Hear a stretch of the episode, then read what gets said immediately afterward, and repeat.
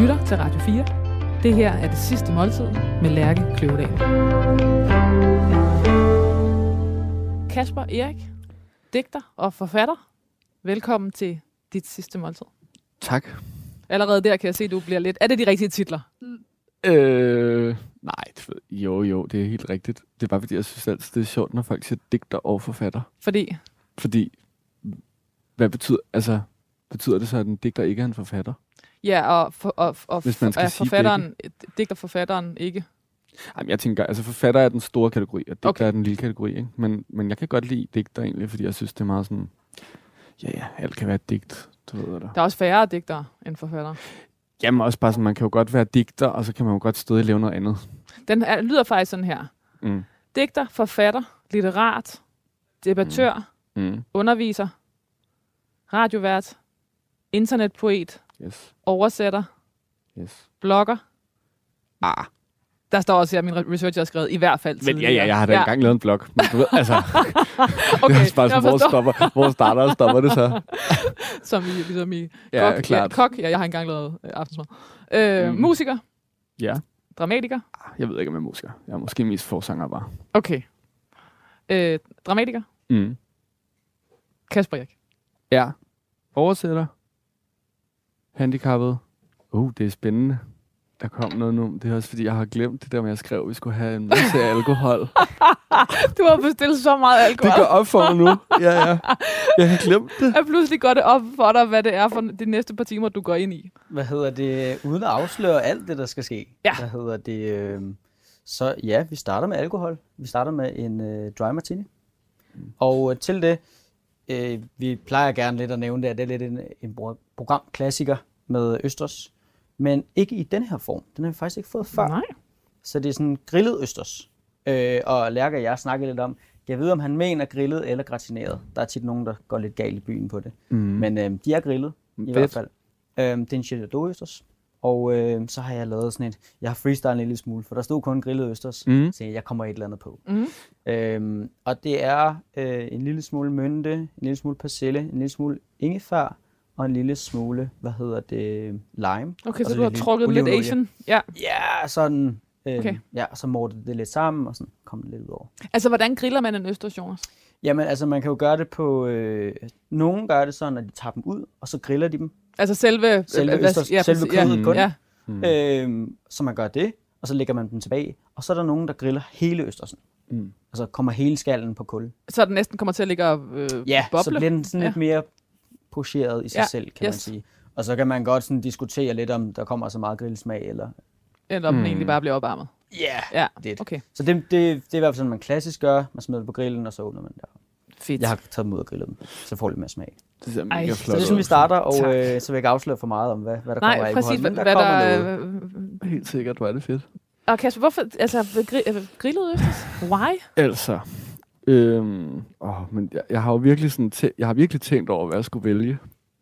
Øhm, Østers var bare noget, jeg s- spiste for første gang til sådan en nytårsaften selvfølgelig, hvor jeg pludselig følte, at jeg var voksen. Mm. Og så, og jeg, det er bare aldrig noget, jeg havde forestillet mig, at jeg skulle spise. Mm. Altså sådan klassemæssigt og kulturelt og sådan noget. Øh, og nu kan jeg vildt godt lide det, men hvis jeg skal være ærlig, så kan jeg bedst lide grillet østers. Mm. Og jeg fik det engang i Paris med en, jeg er kærester med, og det var bare øh, den vildeste restaurantoplevelse.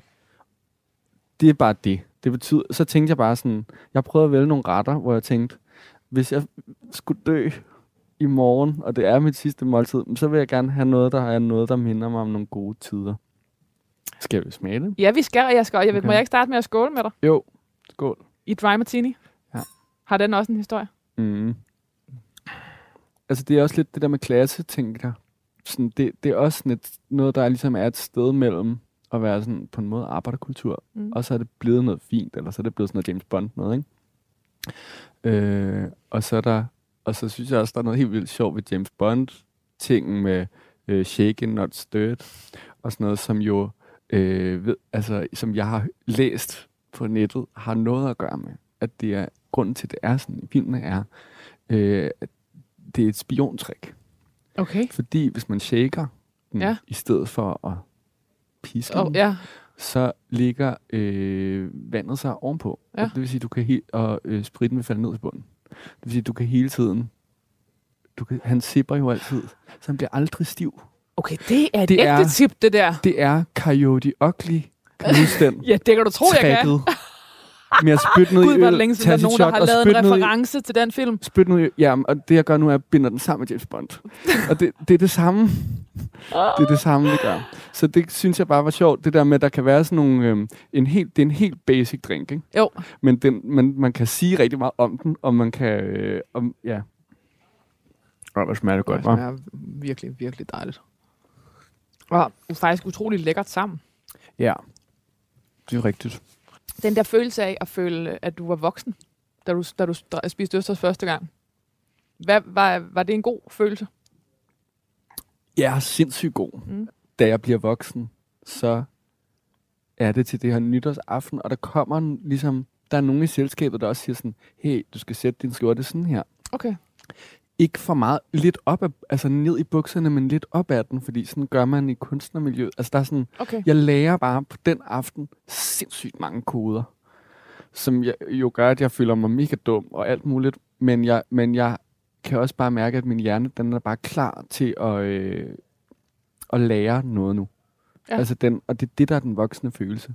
Det der med sådan, jeg, jeg går ikke op, jeg lytter bare nu. Folk vil fortælle mig alt muligt, og nu, nu for første gang, nu er jeg klar til ikke at komme med alle mulige forsvarsmekanismer og spille skuespil. Nu er jeg klar til at, øh, okay, hvordan spiser man østers? Turde spørge, Mm. mm. turde sige, jeg har aldrig gjort det før. Øhm, og det tror jeg, jeg tænker på at blive voksen, at det er ligesom på en eller anden måde et skift, giver det mening? Ja, øh, fuldstændig. Sådan, øhm, at ture og stå ved alt det, man ikke er Mm. endnu, Mm. og, sådan, og så lade livet komme til en eller et eller andet. Jeg tager lige... Ja, og ikke prøve at, sådan, øh, at spille op, øh, altså som du siger, ikke, ikke, øh, ikke, ikke prøve at spille smart op af det, men bare øh, gå ind i det og tage imod. Ja, ja, og det betyder ikke, når jeg siger det, at jeg ikke spiller smart, eller det, det gør jeg på alle mulige måder, men, men måske også bare sådan, det er der, man, jeg er begyndt at mærke sådan, hey, jeg har en identitet, eller Mm. øh, når nogen siger, hey, du kan tage skjorten op af bukserne sådan her, det må man også gerne. Ja. Nå, det, det var jeg ikke vant til, man måtte. Øh, spændende, jeg kan vælge alle mulige ting. Mm. Øh, ja. Så, så en, øh, en, en, altså hvornår var det i dit, øh, i, hvor gammel var du?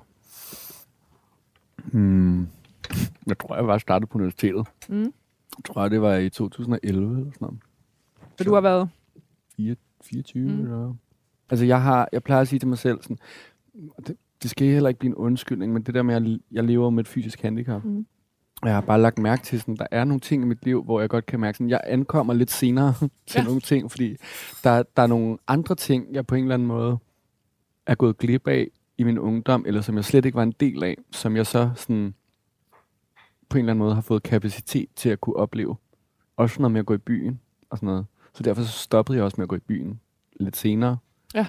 Øhm, altså, altså en fornemmelse af, at det hele er, er, øh, er, er kommet nogle år senere, fordi du har skulle bruge så sindssygt meget energi på, ja, at have et sådan, handicap. at- ja, og bare du, er, du har et cerebral parese. cerebral er eller C, CP kalder man det også bare, ikke? Ja. Eller det, man ville kalde, en spastisk lammelse tidligere. Ja. Gør man stadig det? Øh, nej, det gør man ikke så meget. Men det, okay. ja, altså, man må sige lige, hvad man vil for min skyld. Okay. Altså, og øhm, det er jo også mega strengt. Altså, nogen har jo også CP, hvor de har et talehandicap. Altså, det er jo bare mega besværligt at sige. Okay, ja, okay. Øh, så, og det så synes jeg bare dobbelt op. Men prøv lige at forklare, hvad det, hvad det er. Jamen, det er bare, altså, det er, det er jo sådan en paraplybetegnelse, som mange diagnoser er. Jeg er født for tidligt, blev født skindød, og så fik jeg ikke ild til hjernen, og det gør, at der ligesom skete nogle ting op i hjernen, som gør, at det motoriske center snakker dårligere sammen med resten af min krop på en måde. Øh, og sådan helt konkret gør det bare, at jeg halter. Øhm, men det er ligesom i hele højre side hos mig, og det, det der med at sige, at jeg halter, er også sådan en gammel fortælling, men som bare er nem at sige. Ikke? Ja, fordi den er nemt afkodelig. Ja, ja, men der er alt muligt jo ikke. Altså sådan alle, når jeg løfter det der vandglas, så det har jeg lært mig at gøre, men det, det er sværere end med den anden hånd, Okay. og meget sværere end... Der er alle mulige ting. Så jeg tror bare, det har ligesom gjort noget også for den der sådan voksenoplevelse. Og, øhm, og jeg tror også, derfor var det så... Det der med de der østers var på en eller anden måde også noget med jo at få lov til at være med i noget fint, øh, som en der har en krop, som altid, også bare lige nu på vej hen, øh, altså folk kigger jo på mig. Mm. Øh, og det der med sådan, på en eller anden måde, at hvor, måtte være med, og samtidig at kunne sænke paraderne, var bare sådan en vild oplevelse. Mm. Jeg føler dig velkommen i det, Vi du... drikker for langsomt i forhold til, hvad jeg har bestilt. Jeg, Hvad så, Jones? Jamen, øh, det er måltid. Og allerede? måltidets første, sådan, hvad skal vi kalde det, intermezzo. yes. Hvad hedder det? Øh, Det, der var alkoholmenu. ja, Og jeg er vi stadig kun i gang med, lige, ikke øh, engang kommet til sådan overskriften. mellem, mellem retterne her, Mm. skal vi lige have et øh, vodka shot. Ja. Jeg tænkte, jeg ville være god ved jer, så det er ikke sådan en helt slaveudgave af vodka. Jeg ved ikke, om du kender øh, Den Klodsede Bjørn? Øh, kun en navn, faktisk. Ja. Det er sådan dansk produceret, så den, jeg tror faktisk, de havde det lidt i tanke, den her russiske tilgang til det, med at man ligesom bare høvler godt med vodka shots. Mm. Så skal Men man også, at man skal kunne drikke den rent. Ja, man skal ikke? kunne drikke den rent, det er Ja. der er pointen. Ja. Så Men den er blød, ikke? jo, sådan. Det er stadig vodka. Det er spændende. Velkommen. Tak. Skål lige. Øh. Øh, skål. Fedt. Ej, hvor smager den godt. Den er nemlig, altså selvfølgelig, som Jonas siger, det er vodka, men den er helt blød, ikke? Jo. Altså, den har ikke det der... Øh, øh, øh. Ja, og så meget sådan nogle altså, noter af alt muligt, Mm, ikke? For at sidde præcis. og være kongulerod. Nej, Altså, men... Øh, nogle gange med vodka, så smager det jo virkelig bare kartofler. Ja. Øh, ja, og, og hårdt og koldt, ikke? Jo. Øhm, lad, ja, lad mig, må jeg lige spole dig tilbage til, at du startede Mhm. med at sige, at, øhm, at det, alt det her med Østers, at det, at det også var et, øh, noget med et, et, en, en, en kultur, du ikke havde set komme som barn. Mm. Jeg har faktisk meget, jeg har haft rigtig svært ved at researche mig frem til, hvad du, øh, hvad du kommer fra. Ja, det kan jeg godt forstå. Øhm, det er ikke hemmeligt. Altså, øhm, Men, altså, hvor er du født og Jeg er født op? Og, på Villemusgade Mm, i København, inde ved, øh, sådan, inde ved søerne. Mm. Det ligger lige ved Triangel. Øhm, og øh, så flyttede vi til Frederiksberg i en lejlighed på Bensonsvej. Så gik jeg på Nylandsvej skole i to og et halvt år. Så blev jeg mobbet så meget, jeg skiftede til en privatskole inde i byen. på grund af dit handicap? Øh, ja. Og så var der også alt muligt andet. Men altså, øhm, det var primært det. Og øhm, så ryger jeg ind på Kaptajn Jonsen, og der har min mor gået, da hun var lille selv. Ja, så jeg ved heller ikke rigtigt, hvad jeg kom. At det ikke, jeg er jo ikke sådan en arbejderklasse. Altså, der har altid været penge nok, men min familie har også altid sagt sådan, du ved, nu skal du ikke få gæld. Og øh, ligesom os. Og øh, nogle gange har vi fandme også levet på en sten. Mine forældre er skilt. Øhm, Hvad lavede dine forældre? Min far startede med at være sådan bankelev, og min mor er apoteker. Mm. Eller startede som det, nu hedder det så farmaceut. Eller farmakonom, det kan jeg ikke engang huske. Øhm, så det er jo sådan noget funktionær, ikke? Mm. Øh, og det kunne man godt have et hus dengang at være. øhm, det jeg kan mærke er, penge har aldrig været vigtigt for mig. Altså jeg tænker meget på dem. Jeg har været virkelig fattig selv, hvor jeg ikke havde nogen penge, og jeg måtte øh, sådan stjæle i fakta og sådan noget øh, og låne af min farmor, men som jeg så heldigvis kunne, fordi hun havde vundet i klasselotteriet. Latterligt nok. Øh, Of all things. Klasselotteriet. altså, Ja. prøv at høre, det er for sindssygt. Min farmor, hun bor nede på Lolland sådan, med sin mand, der dør. Hun har ingenting. Ikke en rød reje. Og de er sådan nogle, på en måde førtidspensionister eller et eller andet. Og tre dage efter, at han dør, der vinder hun 2 millioner i klasselotteriet. Og ringer til min far og forstår ikke, hun har fået et mærkeligt brev og sådan noget. Nå, det er en lang historie. Men øh, jeg ved heller ikke selv rigtig, hvad jeg kommer fra. Mm. Når folk snakker om de der klasseting, så synes jeg altid, det er vildt besværligt. Også fordi samtidig, øh, jeg skal nok lade være at snakke om handicap hele tiden, men handicap er også sin egen klasse. Eller sådan, det kan godt være, der findes en økonomi og mine forældre, og så findes der skilsmisse. Så er der alle mulige ting, man kan sige. Københavner og sådan noget. Men, men øhm, det har været så definerende for mig, det at leve med et handicap, at på en eller anden måde, så, så er det derfor, at det er svært at fi- finde noget om, fordi det, det, det altid ender med at være det, jeg snakker om, tror jeg. Det er svært at gøre noget ved, fordi, fordi folk på en eller anden måde også tænker, det er også naturligt, du skal bare være glad for at være her. Øh, ikke? Så derfor er det også den, jeg kommer fra den klasse, hvor jeg skal bare være taknemmelig for, at jeg overhovedet er her. Og det er jeg også. Og hvordan har du oplevet det, den der fornemmelse at du bare skal være taknemmelig? Øhm, jamen, den selvom mit handicap er meget sådan i mellemkategorien, eller hvad man skal sige. Men Og hvad betyder det? Det betyder, at du kan... jeg, jeg har gangfunktion, Mhm. mm. og jeg er ikke kognitivt udfordret af mit handicap. Øh, det er sådan, der er sådan en matrix, Mm-hmm. og sådan, så jeg er Okay. i den kategori. Mm. Øhm, så lever jeg med angst og sådan noget, som også er nogle følgevirkninger af det, men det, du ved, det går fint, som man kan sige. Øhm, men, jamen, altså, det, er, det, det har jo bare gjort, at jeg har, la- jeg har skulle lære at tage vildt meget plads. Og øh, det er jeg også vildt god til. Og jeg er også, øh, mange synes, at jeg er selvglad og fylder meget. Og det gør jeg også. Og, men øh, jeg gør det også, fordi at det er, det er noget, jeg gør helt med vilje. Og det er noget, jeg har øvet mig i. at øh, sige til mig selv, at jeg må gerne være her. Og øh, jeg må gerne lave dårlige handicap jokes, og jeg må gerne øh, klage over ting, og øh, alt sådan noget. Som, Alt, hvad øh, der ligger i at tage sin plads. Ja, som, og som jeg tænker, at øh, du forstår, fordi at øh, du er en kvinde, der sidder over for mig. Okay. Det, øh, alle mulige kan forstå det fra deres egne steder. Jeg tænker også, at der er folk i en økonomisk underklasse, der vil forstå, hvad jeg mener, i forhold til, hvad man må sige højt, og hvad man ikke siger, og loyalitet og alt muligt. Ikke? Øhm, også hvad man siger om sit eget handicap og sådan noget. Øh, man skal, må aldrig klage over det. Man skal altid, du ved, være den gode solstrålehistorie, hvis man så endelig taler om det. Al, alle sådan nogle ting har det jo... At man klarede den. Man var den, der klarede den. Ja, ja, det, og det lærer man jo bare, og det er jo fordi, at de eneste historier, vi hører om folk med handicap, det er jo, at det er altid, hvis de har klaret den. Ikke? Altså. Kasper, nu tager jeg dig tilbage i øh, nekrologen her. Mm. Jeg har skrevet nogle overskrifter om dig, øh, som er fra øh, artikler, der allerede er skrevet om dig. Den mm. første, den lyder sådan her. Hashtag generationens digter. Internettets poet. Forfatter Kasper Erik er død. Hmm. Ja, Det er to labels, øh, som meget hurtigt blev smækket på dig med hashtag generationens digter og internettets poet. helt sikkert. Det var vist nærmest fra din første bog. Ja, ja. Øhm, ja, det har jeg også altid selv grint meget af, at det var det, de skrev. Fordi det var sådan en kæmpe chok for folk, at man kunne skrive digte, hvor internettet var med i, i 2014. ikke? Altså, jeg joker altid, når jeg er ude og sådan snakke med gymnasieelever, så joker jeg med den, den dumme logik, og helt forståelig logik, der ligger i sådan en der overskrift. Øhm, altså, jeg var på internettet siden 94, tror jeg, eller sådan, ikke? så hvorfor skulle vi dog ikke skrive digte om det? Men, øhm, og det sjove ved den der overskrift er jo også, at jeg var meget bevidst om, apropos alt det, jeg har prøvet at sidde og snakke om nu, at det var i hvert fald ikke det første, der skulle stå, var ikke, at jeg var spasser på en. Fordi det, det gad du ikke hedde, da du udkom med din første bog. Jeg tænkte engang aktivt. Jeg fandt først ud af det, efter at bogen kom, at det var sådan, jeg havde det.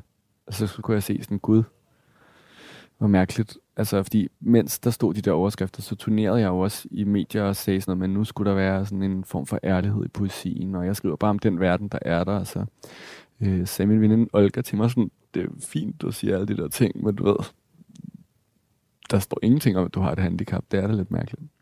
Men det var først, da hun sagde det, så, så gik det op for mig sådan, gud, Mm. du har ret. Øhm, ja, men altså, jeg synes, det er en fin nok overskrift. Øhm, Og repræsenterer i hvert fald en del af dit liv på en eller anden måde. ja, ja, men jeg håber da ikke, det er det, der skal stå, når jeg er færdig her. Øh, så er der en her, der hedder Kasper Erik sat ord på sin generation med selfies på tryk. Ja. Den er lidt det samme som den anden. Ikke? Jo. Altså, Det er, en, det er, en, det er en, en eller anden en øvelse i at prøve at forstå. ja. Jamen, det der Læser jeg selfies på tryk, det er også noget, det er bare så dansk læragtigt. altså, jeg kan godt forstå det. Så er der en der he- her, der hedder Digteren Kasper Erik tog tabuerne til debat. Også en sandhed. Også det du personligt, ikke? Jo, men total, ja, ja, altså det gør, det gør de fleste jo, der debatterer noget. De fleste ting, man debatterer, er jo tabuer. Men ja, Digteren Kasper Erik var politisk og aktivistisk. Han skrev om de hårde og svære følelser for at vise, at der var noget galt i vores samfund. ja, yeah. den er jo, det er den bedste, synes jeg. Men altså helt ærligt, så håber jeg bare, at når jeg dør, at så skal der bare stå, Kasper Erik er død. Altså, jeg har det meget sådan med døden, at den behøver man ikke at gøre mere ved. Mm. Den er storslået og sørgelig. Den er alt det, den er. Den er jo døden. Mm. Så hvorfor skal vi sige mere? Og det, det er også det, der rører mig, ved nogen bare går op og siger, øh, vores far er død. Så ved vi det godt. Så ved vi godt, du behøver nærmest ikke at sige mere efter det. Øh, og der er sådan en enorm styrke i at ture ikke at sige så meget, øh, som jeg selvfølgelig er tiltrækket af, tiltrykket af, fordi jeg dr- selv taler hele tiden. Men skal vi så ikke simpelthen skrive, Kasper Erik er død?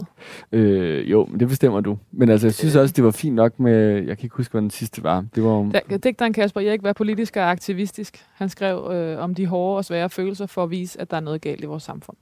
Ja, Det er fra Politiken 2019. ja. Ja, ja, det er jo, det er jo fint nok. Altså, men det er virkelig... Kasper Erik er død, den ja, går vi med. Jeg synes virkelig, det vil være... Det håber jeg er det, der kommer til at stå. Øh, Kasper Erik, jeg starter din øh, nekrolog sådan her. Mm. Kasper Erik blev med sin debut 7-Eleven i 2014 døbt Danmarks hashtag-digter. En ny stemme for en ny generation. En internettets poet, som med et enkelt chatsprog besang ensomheden ved at sidde derhjemme, badet i computerskærmens blå lys og gumlende på baby bites fra 7-Eleven. Tættere på resten af verden end nogensinde før, og så alligevel ikke. Selv væ- væ- værede han sig ved markadet, men man kommer altså ikke udenom, at Kasper Erik var en af de fremmeste eksponenter herhjemme for en helt ny type litteratur. Det var Politiken 2017. Ja, det er da meget smukt. Det er da sødt. Altså... Nu kan du ikke tale mere, for nu kommer der en kæmpe pizza ind. Ja, Så stor er den heller altså virkelig, men virkelig flot. Ej, Jeg er vild med, at der- nice. Altså, jeg er vild med... Øh, jeg, øh, der, jeg sag, skrev jo heller ikke mere end bare... Nej, nej. Øh, men det, jeg synes, det er rigtig godt løst. Ej, hvor er det Pepperoni pizza sejt. med, Jonas. hvad hedder det, ekstra ost, lidt kapers, så er der en lille smule oliven i, hvad hedder det, tomatsaucen. Mm. Og øh, det, der er det sjove med det her, det er, jeg tror aldrig, vi har lavet. Jeg har lavet pizza en gang her i Ja. programmet, tror jeg. Øh, men ikke her, vi har ikke en pizzaovn Mm. Og Du er et ambitiøst menneske, Jonas. Vi har jo en ovn. til tider. Vi har en almindelig ovn, Ja, men, men men det, det- kan man ikke. Okay, Øh, det bliver ikke godt. okay, det bliver ikke godt Øh, nok. Det bliver ikke godt nok. Mm. Øh, specielt ikke, når det er pizza til en sidste måltid. Hvad hedder det? Og så er der den ting, at øh, vi har en, der hedder Mads, der arbejder her på stedet en gang imellem. Øh, og en af mine gamle, tidligere kollegaer, som har et pizzeria. Okay. Okay. Øh, Julie Pizza på, på Nørrebro. Og øh, hvem er bedre til at lave pizza end Mads? Så Mads er simpelthen kommet her med en lille pizzaovn. Ja, ikke med, ikke med en bakke med, altså ikke med en pizzabakke. Nej, nej, overhovedet ikke. Vi har stået ude i gården, der har vi sat en lille pizzaovn øh, op, og Okay. du må gerne komme ud og kigge, hvis du ikke tror på det. Det vil jeg rigtig gerne. øh, og der står vi og leger, leger pizzeria derude. Og den er helt, vi har lige taget den ud. Jamen, den er jo, altså man kan jo fornemme, man er jo ikke i tvivl. Men jeg er rigtig vild med det der kapers touch. Ja, Det der er lidt i, der er lidt i det, hvad hedder det, tomatsauce. Du havde bestilt med øhm, pepperoni og Havde jeg ikke bare skrevet pepperoni pizza? Pepperoni, ekstra ost, Nå ja, med ekstra ost. Mm. eventuelt kapers og oliven. Der er begge ting. Nå ja, okay. Så, og så får I selvfølgelig lidt at drikke til os. Mm. Og Yes. øh, Sancerre. Så det skal du få. Mm. Øh, og det er fra Charles, øh, hvad hedder det, Bulai. Og øh, ja, jeg ved ikke om, om Sancerre og, og pizza er, hvad hedder det, er noget, der står i nogle bøger, at man skal, men hvis det, hvis det er det, du har lyst til, så skal du have det. Men er det ikke også bare sådan easy? Altså, altså Jo, det er jo pizza er Sauvignon nemt at Blanc, spise, ikke? Sancerre er, er øhm, er nemt at drikke, nok. Ja, ja. og flasken skal blive stående på bordet. Men det er også, Fuldstændig. Fuldstændig. det er også sådan lidt, du ved, det er sådan sommervibes på en måde. Fuldstændig. Ja, det- og det er altså sådan en, man, man sidder ved, Og- på en, en eller anden havn, ikke? Jeg vil helt klart sige, i forhold til, hvis man virkelig skal tænke, okay, hvad er det, der er på, og så videre, så videre, så er det helt klart denne her vej. Mm. Fordi der kan godt være sådan lidt u- umodne ferskener, som smager lidt hen af oliven og sådan noget. Hvor at hvis du går risling eller sådan noget, det vil være helt underligt. Mm. Øh, så Det er vildt lækkert. perfekt. Velkommen. Tak, Tak. Jon. Tak, Mads. tak. Selv tak. Tak for pizza. Øh, ja. Okay. Der har været mange gode grunde til, hvorfor. Hvis man får forklare din egen. Ja, okay, men altså, du, der var også det der med baby bites, den der nekrolog Mm. mm. og sådan noget, som, det ved jeg jo godt. Jeg er jo også... Jeg kan, Du også også have lide, gået på baby bites. jeg kan jo godt lide at være også... Øh, jeg kan godt også lide at træde ind i stereotyperne. Og øh, min bedste ven, Karl, hver gang jeg laver en bog, så siger han til mig sådan, skal den ikke hedde pizza? øhm, men til gengæld, så har jeg prøvet at lave et kompromis med ham, hvor at hver gang jeg laver en bog, så er der pizza med i. Du vil ikke have, den skal hedde pizza. Nej, nej. Ikke endnu? Det kan den ikke hedde. Okay, Øh, det kommer ikke til at ske nu. nej, nej, fordi det er også en mytologi, som Mm. det skal aldrig ske Mm. bare. Det er bare en samtale, vi skal have hver gang. Jeg fortæller ham forslag til en ny titel. Han siger, jeg synes pizza. Så snakker vi om det. Øhm, ja, men jeg kan bare godt lide, altså, øhm, pizza er enormt børnet, men det er også bare øh, nogle gange det, jeg har mest lyst til. Mm. Ja, og så, øhm, jeg tager lige en bid, siger, prøver Nå, at har- tænke over ja. noget dybt. Ja, præcis. Sig noget dybt om pizza, som ikke allerede er sagt før. Tro på mm. det. Mm. Kan du lide den her? Rigtig Type god. bund. Okay. Altså, er du galt, den er god. Jeg har ikke selv sådan en pizzasting. Det har jeg tænkt meget sådan, det er latterligt, at jeg ikke har det.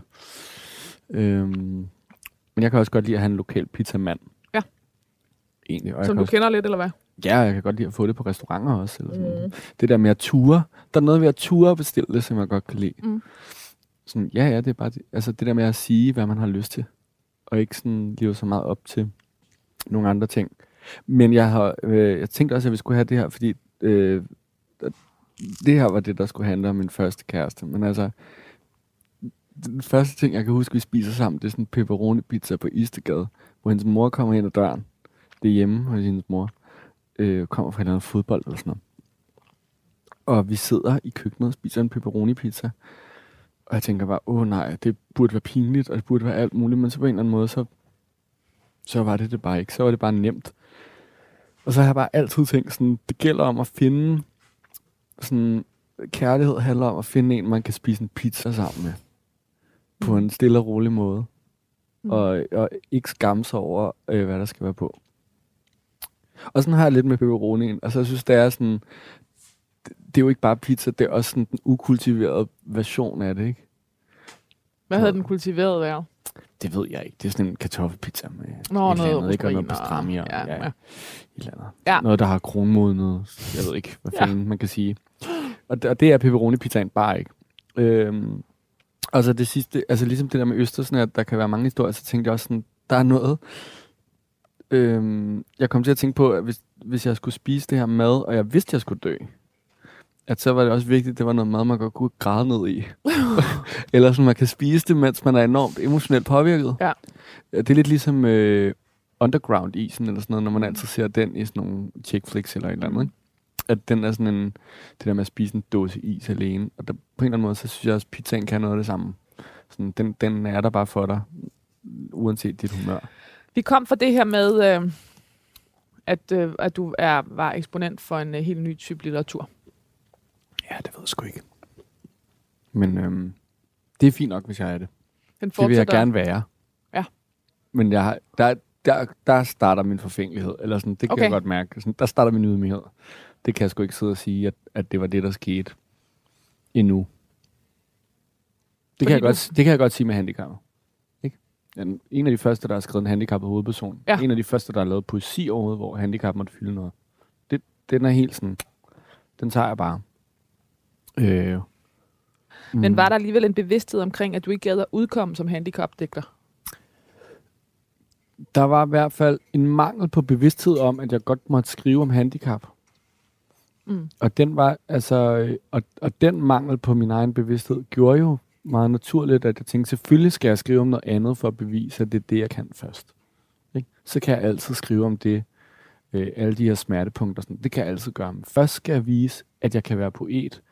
Øh, og så kan man gøre alt muligt. Men selvfølgelig, ved du hvad, altså det der med at skrive om, altså bundet hos 7-Eleven, skrive om babybites og internet og sådan restløs øh, rende rundt i sådan en lykkekultur og sådan noget, ikke? Og handler på en måde også om at, at være deprimeret.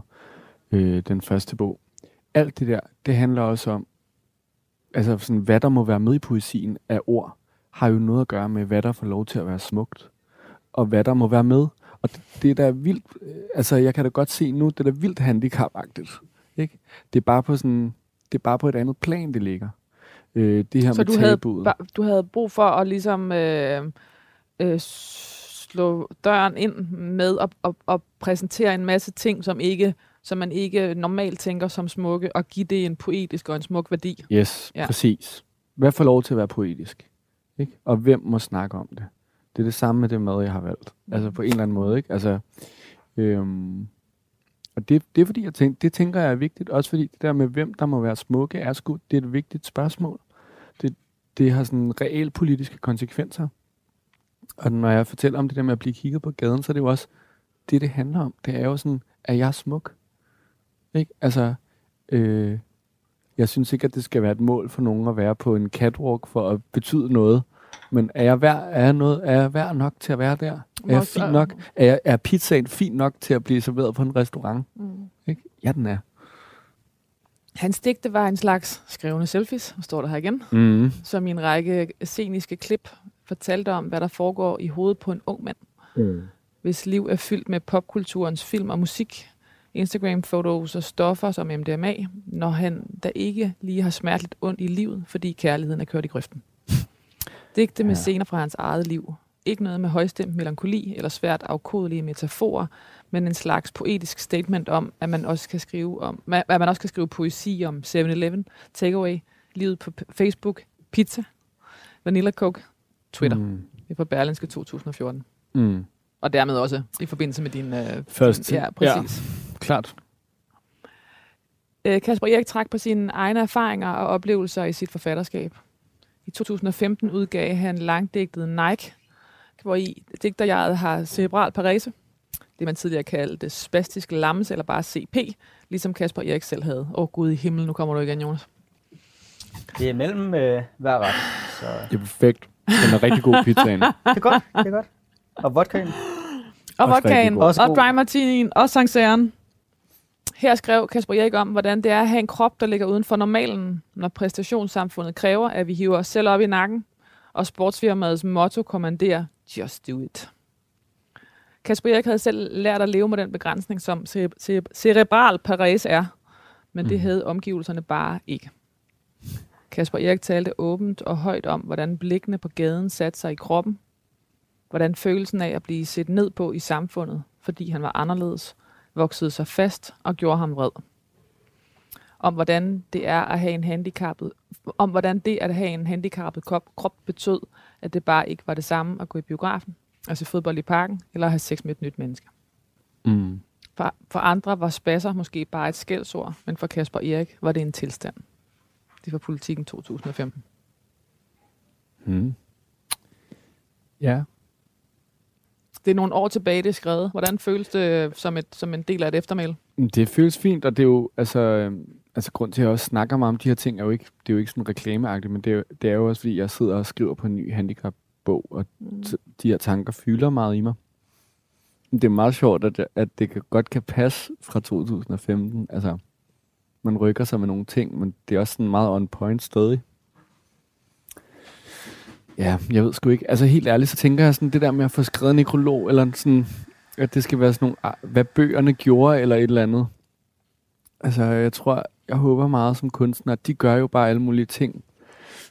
Altså lidt ligesom det der med navnet, eller hvad man skal skrive som overskrift, at det ikke så meget er, at man ikke behøver at opsummere de der ting. Du ved, altså, øh, jeg kan bare mærke, når du læser det op, så tænker jeg mere sådan, jeg håber bare, at der kommer til at stå noget med sådan, at jeg fucking rykkede noget på den der handicap-agenda, og at jeg, og at, øh, jeg sprængte nogle rammer ind for, hvad poesien var. Og så behøver det ikke være mere end det.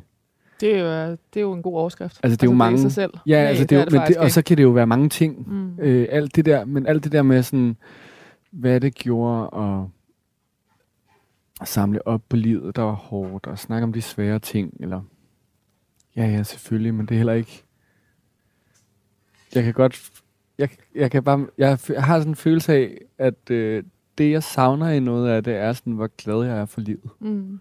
Altså, hvor, hvor fedt jeg synes, det er at være her. Øh, og øhm, ja, altså det, er også, altså det her med alkoholen er jo også meget sådan, jeg, er også sådan, jeg føler også, at jeg har en livsbombe, og jeg ved godt, at jeg, øh, at jeg klager over nogle ting, men jeg klager over nogle ting i forhold til handicap for eksempel, fordi at jeg synes, at alle skal have det fucking godt. Ikke? Alle skal have, alle skal kunne sidde herinde og have den her oplevelse. Det vil jeg, altså det ved jeg godt, man ikke bare kan, men det vil jeg fucking ønske. Og jeg vil ønske, at øh, nogen kunne sidde her med en kørestol, uden at der var andre, der skulle sige, at det var uappetitligt eller et eller andet. Og, og sådan er det ikke i dag. Øh, men tænk, hvis det kunne være sådan, ikke? Det er ikke så mange mennesker. men altså, øh, det, altså det, det er bare det, jeg vil. Altså, jeg synes, livet er så fedt, at jeg synes, at øh, bare vi kunne gøre det fedt for nogle flere. Øh, og det er derfor, altså vreden, det er derfor, vreden er også sådan en form for sådan jalousi på nogle andres vegne, eller et eller andet nogle gange, ikke? Det er nemt for nogen, men hvis det er det, kan vi så ikke... Det er jo ikke fordi... Altså, det behøver man jo ikke at være socialist for at sige, hey, hvis øh, noget er nemt og fedt for nogle andre, skal vi ikke prøve at gøre det sådan, For så det at alle mulige, for alle mulige- muligheder. så ja. alle mulige kan have det. Ikke? Altså, det er bare ligestilling. Øh, og klart nok, vi ved ikke alle sammen de samme ting, og øh, så er der nogle ting, der koster nogle ting, og der er nogle ting, der øh, koster nogle andre ting. Men sådan, det, det grundlæggende princip i, lad os prøve at gøre det fedt for alle at være her. Øh, Det er sjovt, for når du taler om det på den måde, altså der, der, der, der er jo ligesom også et spor i dig, hvor jeg, hvor jeg tænker, øh, du kunne også have blevet politiker, du kunne også have blevet, altså du ved, du kunne også have kæmpet for den sag, der åbenlyst øh, jo er din. Øh, men jeg kæmper for- jo for den der, hvor jeg tror, det rykker noget. præcis. Øh, og som er gennem poesien og gennem mm, litteraturen. Mm. Jeg kom til at tænke på i forbindelse med, øh, med langdigtet Nike, som vi lige nævner her. Mm. Øhm, altså, som er det, det her... Øh, om hvordan det er at have en krop, der ligger uden for normalen, og præstationssamfundet kræver, at vi hiver os selv op i nakken, og sportsfirmaets motto kommanderer, just do it. Øh, den udsendelse, du har lavet, der hedder Det, det vi går rundt med, Mm. Hvor du har interviewet din mor, Mm. hvor øh, hun siger, at det egentlig først er, da du spørger hende øh, som voksen, om hun vil være med i programmet, øh, hvor du spørger hende at snakke om det, om at hun har en handicappet søn. Ja. Og hvor hun, hvor hun siger det, at da du siger det, tænker hun, hvem, hvad mig? Jeg har da ikke en handicappet søn. Mm. Øh, og jeres samtale handler meget om, øh, om he- hele den måde, øh, hun gennem din barndom har sagt, øh, altså har haft, øh, og nu med far for at tolke og oversætte noget, der er forkert, har sagt, har sagt øh, men der er jo ikke noget galt med dig, Kasper. Øh, du skal da ikke gå efter at komme på øh, til OL for handicappet, for det er jo snyd. Øh, at Mm. når hun tog med dig til en, øh, til en øh, hvad hedder sådan noget, motionsdag på skolen, så var det faktisk ikke dig, hun hjalp, men øh, dem, der var, øh, hvad skal jeg sige, der bare ikke var i form, som, Ja. altså du ved, de, de børn, der var dårlige til at løbe, eller Ja, det er sgu øhm, også Øhm. rigtigt. Jeg var så misundelig på det. at, at sådan hele... Øh, øh, altså, jeg, jeg nåede bare til, at da jeg, da jeg sad med de her øh, tekstbider, noget jeg, uden at altså, have læst Nike, men så tænkte jeg, at, at Nike lød som din mor. Altså, Mm. det er en lidt hård øh, stramning, men at der var noget med Just Do It, Kasper. Ja. Og som det jo som forældre også, er, er, det er nemt at, for, jeg kan sige, det er nemt at forstå, hvad det er, hun har tænkt, fordi hun har ville skærme dig, og hun har ville øh, Mm. øh, i virkeligheden normalisere dig. Men jeg kom bare til at tænke på, hvad det havde gjort øh, ved dig. Det er et meget stort spørgsmål. Men, Mm. mm. om, men hvad den energi, øh, med i hvert fald ikke, ikke at anerkende handicappet, har betydet for dig. Og igen, nu er det meget forsimplet, og det er min tolkning af... Yes. af Det er ja. helt øh, on point, alt du siger. Altså, øhm, det er den største gave, jeg nogensinde har fået af mine forældre. Det er det første, jeg bare vil sige om det. At de krævede, de krævede ting af mig. Og øhm, at det var jo ikke fordi, at vi aldrig måtte snakke om det. Altså, vi snakkede bare ikke om det. Og når min mor har sagt det med, at hun ikke tænkte det, så tror jeg også på det. Altså, jeg tror virkelig på det, og det er det vigtigste. Der er en enorm oprigtighed i de ting, hun siger. Ja, fordi det er ikke, det er ikke fordi, jeg har levet i sådan en tavshedsting, hvor jeg måtte ikke sige noget højt, fordi så, du ved. Men, men jeg er virkelig også opdraget af to forældre, der har også øh, været igennem nogle ting, og derfor har de også bare selv, tror jeg, givet, været meget sådan, ja ja, livet er altså hårdt, men det er sgu også nemt for dig på nogle måder, og nu, øh, der er jo ikke noget at gøre ved de måder, det er hårdt på. Det eneste, du kan gøre, det er at, at lære at håndtere det. Så det har de virkelig givet mig. Øh, og det handler Nike ikke så meget om. Det ville jeg ønske, den havde handlet noget mere om. Øh, Nike handlede mere om at prøve overhovedet at tage ordet fra det der handicappede sted. Og sådan få sagt nogle ting. Øh, ja, hvad var det, du spurgte om? Det der med, at Nike var min mor. Ja, det, Jamen, det tror jeg virkelig ikke. Altså, det, det, det, det tror jeg virkelig ikke, altså, øh, at, at det er. Fordi den handlede meget mere om at netop have lært at håndtere de her ting. Og have lært at, have det fint nok. Og så sige sådan, okay, men hvad hvis jeg lige åbner for det her rum i mig selv? Og nu prøver jeg lige at snakke som handicappet Kasper Erik i noget tid. Og det gør ikke noget. Øh, og så vil jeg bare sige, det var jo i 2015. Siden der har jeg lavet fire bøger. som er noget andet. Ikke? Og det er jo, det er meget mere min mor. Fint nok. Mm. Så siger vi noget, og ting kører, du ved, og jeg, nu når jeg hører min egen stemme, så synes jeg også, lyder som hende. Øh, så sådan, det er fint nok, så har vi sagt det, men så er det også videre. Ikke? Hvad skal der så ske? Øh, og og det, den der sådan, øh, motivationsting, og, og det er også min far, altså min far er meget mere generet, end min mor og jeg er, men, men det der med sådan, okay, men så bare videre. Hvad er det næste, der skal ske? Ikke? Det, er jo lige så meget det, det handler om. Altså de her to bøger, vi har snakket meget om, er jo sådan, det kan jeg godt forstå, at vi snakker om, men det er jo sådan, det starter. Altså, og det er sådan på en eller anden måde sådan to øh, måder at blive Altså jeg bliver Ja. ja. kunstner begge gange. Præcis. Begge de bøger ja. bliver Og i virkeligheden, de på to, forskellige ting, måder. de to ting, du, du, du, du lige har siddet og sagt med, nu skriver jeg det desværre ikke ned, men i virkeligheden, hvad du gerne vil have i din overskrift, gerne ville være, var, at du øh, var med til at ændre nogle ting i forhold til at, og, øh, at have et handicap, og du var en øh, skidegod digter.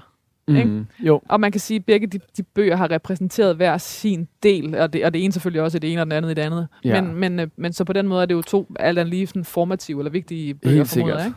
men jeg har det også sådan, mine bedste bøger, de ligger foran mig. Og det, sådan skal man selvfølgelig have det. Men altså, det, det gør de også. Og, øh, så det glæder jeg mig bare til. Desserttid. Mm. Desserttid. Hvad hedder det? øhm, I skal have chokolademus. Helt specifikt. Ikke øh, noget omkring Ikke noget det. med noget. Hvad hedder det? Jeg har taget mig en lille frihed, og, og se om jeg kunne løfte det en lille smule. Så der er en lille smule sådan flagesalt og et dryp olivenolie. Fedt, mand. Åh, ja. oh, smager godt, Jonas. Godt. Ja. Tak, Jonas. Og kæft, den smager godt, mand. Rigtig godt. flot. Hvorfor skal vi have um, chokolademus? Fordi, det lavede min far altid. Og det var meget sådan, at han lever, skal jeg godt sige, mm. når man siger det på den måde. Det er vi alt ryger i datid. Der Ja, jeg kom til at der- sige sådan noget med øh, far død og sådan noget. Ikke? Det er jo ikke min far. Nej. Men øhm, det lavede han altid, når, når det var sådan special occasions, eller når der skulle ske noget, der skulle kredses lidt om det, eller sådan noget. Og det er jo bare sådan den nemmeste og sværeste dessert at lave samtidig. Altså det er jo, det er jo ingenting, og samtidig så, så synes jeg bare, det var så, så fedt, når vi fik det. Og, øh, altså, og jeg kan huske den der måde, så stod det sådan i køleskabet i sådan nogle glas, og som sådan en lille flødeskum ovenpå. Og sådan, altså, der er enormt meget sådan forbundet sådan der chokolademus. Øh, så det var helt sikkert bare, det var, altså, Men det også, var at han havde første, ligesom gjort sig umage, og at der sådan var noget, man skulle, eller hvad? Jamen også det der med, at det var så meget hans ret. Mm. Det var hans ting, og han elskede at lave det til os.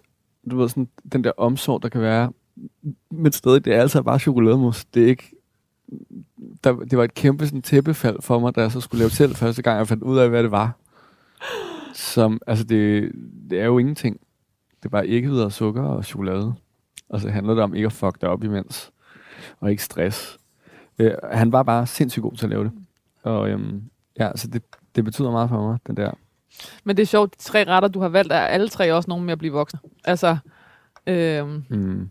Østersen med at føle sig voksen og være sådan entitled, entitled og, ikke, og ikke sådan længere behøver at, at, at kæmpe imod det Mm. på en eller anden måde. Og, og pepperoni pizzaen, det gør, at du ikke var voksen, men det var følelsen af at høre til, i hvert fald i noget, der begyndte at være en voksen, en kærlighedsrolle, øh, øh, rolle, og så en og så også voksenheden i at, at se, øh, altså bedraget er det jo virkelig ikke, men altså sådan, når var det bare det? Altså Mm. sådan en, øh, Jeg vil bare sige, at den smager sådan så tæt på den der følelse.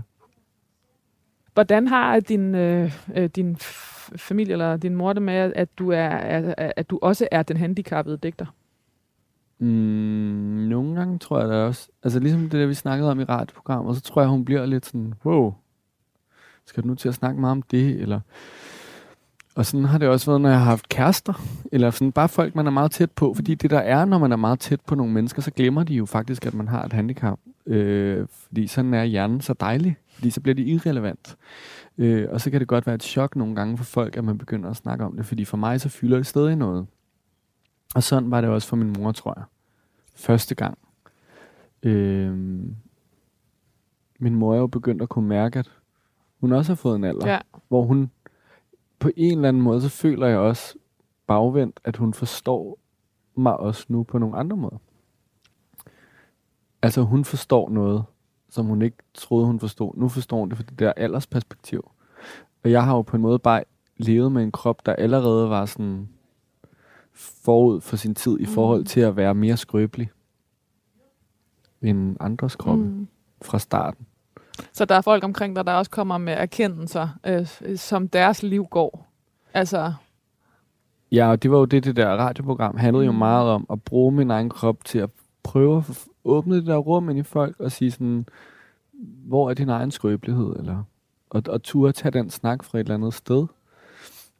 Fordi at vi, vi også, øh, altså jeg prøver virkelig ikke at være, for, altså det her med at leve sådan i en, en, en kultur på en eller anden måde, det er ikke fordi jeg vil være fordømmende. Jeg mener det virkelig, når jeg siger sådan, vi lever i en kultur, hvor at alle har fået meget lidt hjælp til at tænke på handicap som noget almindeligt menneskeligt, og som noget, der kan ramme alle. Og det er jo også derfor, at de fleste folk, de, der rammer chokket dem jo over sundhedssektoren. Det rammer dem først, når de skal putte en forælder på plejehjem. Eller når der sker et eller andet for dem selv. Det er jo det, altså jeg lever jo med en alderdomskrop. Jeg lever den bare øh, som 35-årig. så sådan Benjamin Bottom. Ja, bare uden at det går. Desværre går det bare ikke den anden vej. men, øh, men ja, ja. Altså, øh, men altså, jeg, og jeg er sådan en alder nu, hvor at jeg stoppede med at ryge. Det var virkelig svært, og, og rygningen var virkelig knyttet for mig til sådan noget med, ikke livsforagt, men du ved, ja, ja, jeg kan gøre, hvad det passer mig. Når der står, at jeg mister fem år i mit liv, du ved, Mm. at tæller det fra de fem år, jeg har mistet, øh, jeg har et handicap, eller er det ekstra fem år, eller hvad skal man gøre, ikke? Og, og det var noget, der kom jo ud at, at have de der snakke med min mor, hvor jeg begyndte at snakke med hende om, er der egentlig noget, du er nervøs for? Så siger hun, det der, jeg kan ikke lide det, når du ryger. og det var så konkret, at jeg tænkte, det fandme, det kan jeg godt, det kan jeg på en måde øh, rigtig godt give dig. Øh, så det prøver jeg bare at give dig, og det, det kunne jeg godt. Det er jeg også vildt stolt af, men altså sådan nogle, du ved, jeg kan også gøre nogle ting, og jeg skal gøre dem, fordi Men prøv at fortælle mere om dødsfarken. Jamen, den havde jeg bare i nogle, nogle år. Altså, fra jeg så finder, fra det der, den der voksenfase, jeg finder ud af, at jeg har min første kæreste, hvor jeg så bliver single, og sådan, okay, nogen vil gerne have mig. Jeg kan jo godt finde, Mm. jeg kan godt finde ud af det her. Jeg er her bare, og, øh, så, og tog jo nogle stoffer og sådan noget også, ikke? Som du også nævnte, noget, eller nogen Mm, nævnte ja, nogle beskrivelser præcis. af digtene. Ja. Øh, som jo havde noget at gøre med sådan, okay, men, men du ved, hvis, hvis der alligevel venter et eller andet ude i fremtiden, som er sådan en lidt lavere life expectancy og nogle ting, så, var, så fik jeg det virkelig sådan, så må jeg også bare leve nu. Nu må jeg bare give den fucking meget gas. Øh, og nu, nu fatter jeg, hvad det vil sige at være ung. Jeg er bare lidt for gammel. Ja, Øh, og så der fyrede den bare af.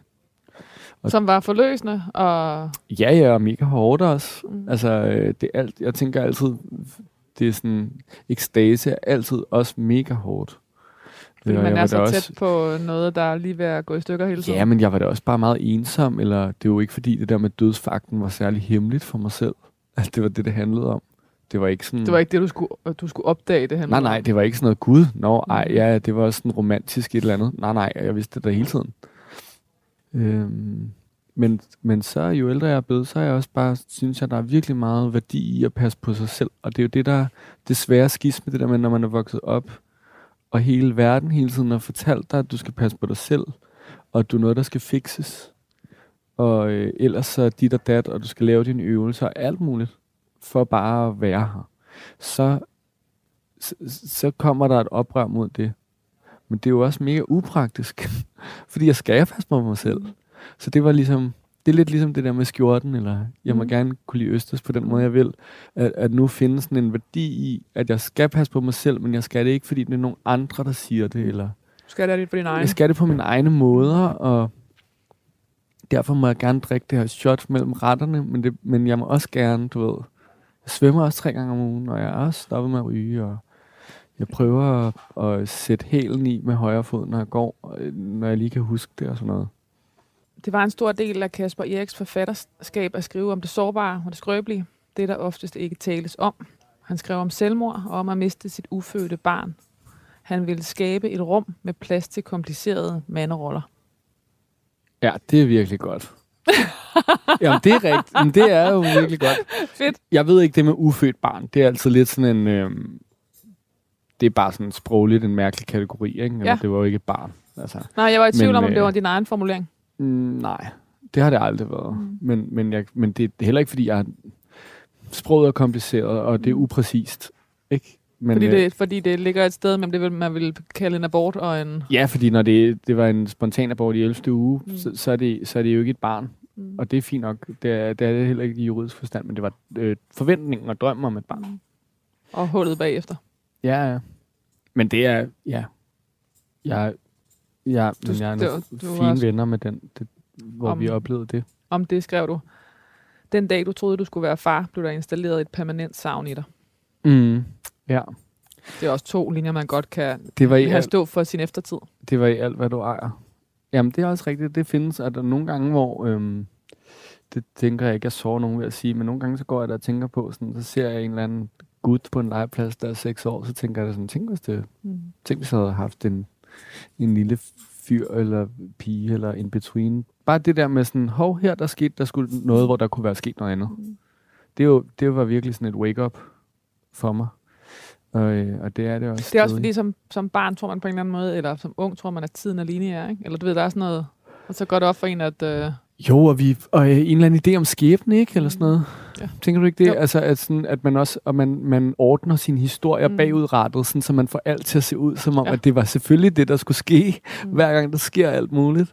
Øhm, og det, det, det tænker jeg virkelig ikke. Altså, jeg tænker virkelig meget på, at ting kunne have været gået af på Mm. alle mulige måder. Og det jeg binder også nogle knuder, men altså, det at vokse op med det handicap er jo også, at på en eller anden måde kunne det jo også være gået anderledes helt fra starten. mm. Øh, Hvis du havde... ja, ja, Hvis du det, ikke var født to måneder for tidligt. ja, og det tænker man jo på, og det må man selvfølgelig ikke sige højt, at jeg gør. Eller sådan, det er virkelig noget, jeg har lært, at det skal man ikke gøre. Men jeg vil heller ikke have ønsket det anderledes. I podcasten, det vi går rundt med på for P1, satte Kasper Erik fokus på øh, den nationale beskæftigelse, spacereturen, der ikke var specielt dejligt for ham. Samfundet er ofte indrettet efter den kapable krop. Bare til de høje kantsten og finurlige trapper, som er strøget ud over bybilledet. Her gik Kasper Erik tur med andre folk, der på den ene eller på den anden måde også har et specielt øh, forhold til deres krop. I 2022 modtog Kasper Erik øh, Helene Elsas-prisen, overragt af hendes kongelige højhed, øh, prinsesse Benedikte. Mm. Prisen tildeles til en person, der har gjort en særlig indsats for mennesker med cer- cerebral parese. På sin Instagram skrev Kasper Erik, Jeg håber altid, at de ting, jeg laver, kan være et sted, vi kan mødes om. På tværs af kroppe, tid og verdener. Og det er dage som den her, der giver mig lyst til at kæmpe videre. Mm. Ja. Ja, det er sgu meget godt. Kasper Erik efterlader familie og venner. Ja, Æret, æret være hans minde. ja. Ja, det synes jeg er en flot måde at slutte det på. Jeg kan også godt lide det der med familie og venner. For mig er det også altid lidt det samme, eller sådan, jeg kan godt lide det åbne i det. Ja, det synes jeg lyder godt. Øh, al- altså med far for os at være totalt over alle grænser. Men, men du siger, at, at, øh, at fordi det har, du har det handicap, du har, så er der en alderdom, du ligesom tager øh, forskud på tidligere mm. end andre. Ja. Øh, ved du, at om du skal dø tidligere end... Ja, det er det første, jeg spørger om i programmet. I Okay. den der programserie, hvor Okay. øh, øh, der spørger jeg en forsker om, sådan, kommer til at dø tidligere? Mm. Og så, det synes jeg, var meget voldsomt, at jeg spørger. Mm. Ja, jamen det gør jeg. Okay. Men, det men ingen ved, hvor meget det er, og der er også sådan en... Det der med at leve med en diagnose, det er sådan, der er nogle former for hemmeligheder. Mm. Altså for dig eller for for af mig, verden? jamen ja. jeg har både nogle hemmeligheder, og folk holder også nogle hemmeligheder for. Der er sådan noget med, vi skal heller ikke snakke for meget om det, du ved, eller sådan noget med, ja ja, okay, vi kan ikke sige, hvornår at noget med kørestolen Ube- bliver. der var en ubekendte. Men den, Ja. men, men, men den kommer til at ske, og det, Fordi det, det, kø- kørestolen ville være et naturligt næste led for dig ja, på et det eller andet gør, og, og når jeg kommer til at sige det, så vil jeg bare sige, det, det gør heller ikke noget. Altså, det er Mm. ikke sådan, et liv i kørestol er ikke, øh, det er jo ikke, altså, det er jo også bare liv. Det, når det er skræmmende for mig, så så er det fordi, at det er, at jeg ikke, jeg, ligesom det siddet og sagt med, folk har ikke fået særlig meget hjælp. Jamen, jeg har heller ikke Mm. nogen forestilling om, hvordan skal det dog blive, og sådan noget. Der er enormt meget usikkerhed. Men, men, men det med at vide, altså jeg har bare altid vidst, at det er jo det, der kommer til at ske. Hvis jeg bliver gammel nok, så er det det, der kommer til at ske. Selvfølgelig. Ikke? Øh, mit handicap bliver ikke værre, men kroppen får svært ved at kompensere. Kasper Erik, hvad skal der stå på din gravsten? Be right back. øh, det er virkelig sådan en leg, jeg har lavet meget med Mm. folk. Ja. Jeg kan godt lide det, altså ligesom det, vi startede med at snakke om. Jeg kan godt lide det, hvor der bare står sådan, Kasper Erik elskede savnet. Mm. Altså det er så sådan generisk. Det er det, vi bare skriver. Øh, men jeg kan godt lide det generiske, som er sandt samtidig. Også fordi, som øh, tilbage til introen, Kasper Erik er død. Øh, elsket og savnet. Altså hvis man læser den sætning op stille, så siger det jo alt. Jamen, hvad kan man også, helt ærligt, uden at være for Mm. sådan patetisk, digtagtigt, hvad kan man håbe på mere? Mm, End at præcis. det er, nu ved jeg godt, jeg har sagt det der med at udrette nogle ting og sådan noget, ikke? men det, det, er da, det er da bare det, det skal være. Altså, Digter, Kasper Erik. Tak fordi du vil være gæst til det sidste måltid. tak fordi jeg måtte, tak for alle de dejlige ting. Nekrologen er skrevet på baggrund af en lang række artikler fra særligt Politikken i 2014, 2015, 2017, 2019, 2020 og 2021, fra Berlinske 2014, 2017 og 2021, og DR.dk i 2018, 2019 og 2020. Du har lyttet til det sidste måltid på Radio 4. Jonas Frank lavede maden, Kasper Risgaard var producer, Anna Paludan Møller researchede og hjalp mig med, med nekrologen. Jeg hedder Lærke Kløvedal, og jeg er glad for, at du lyttede med.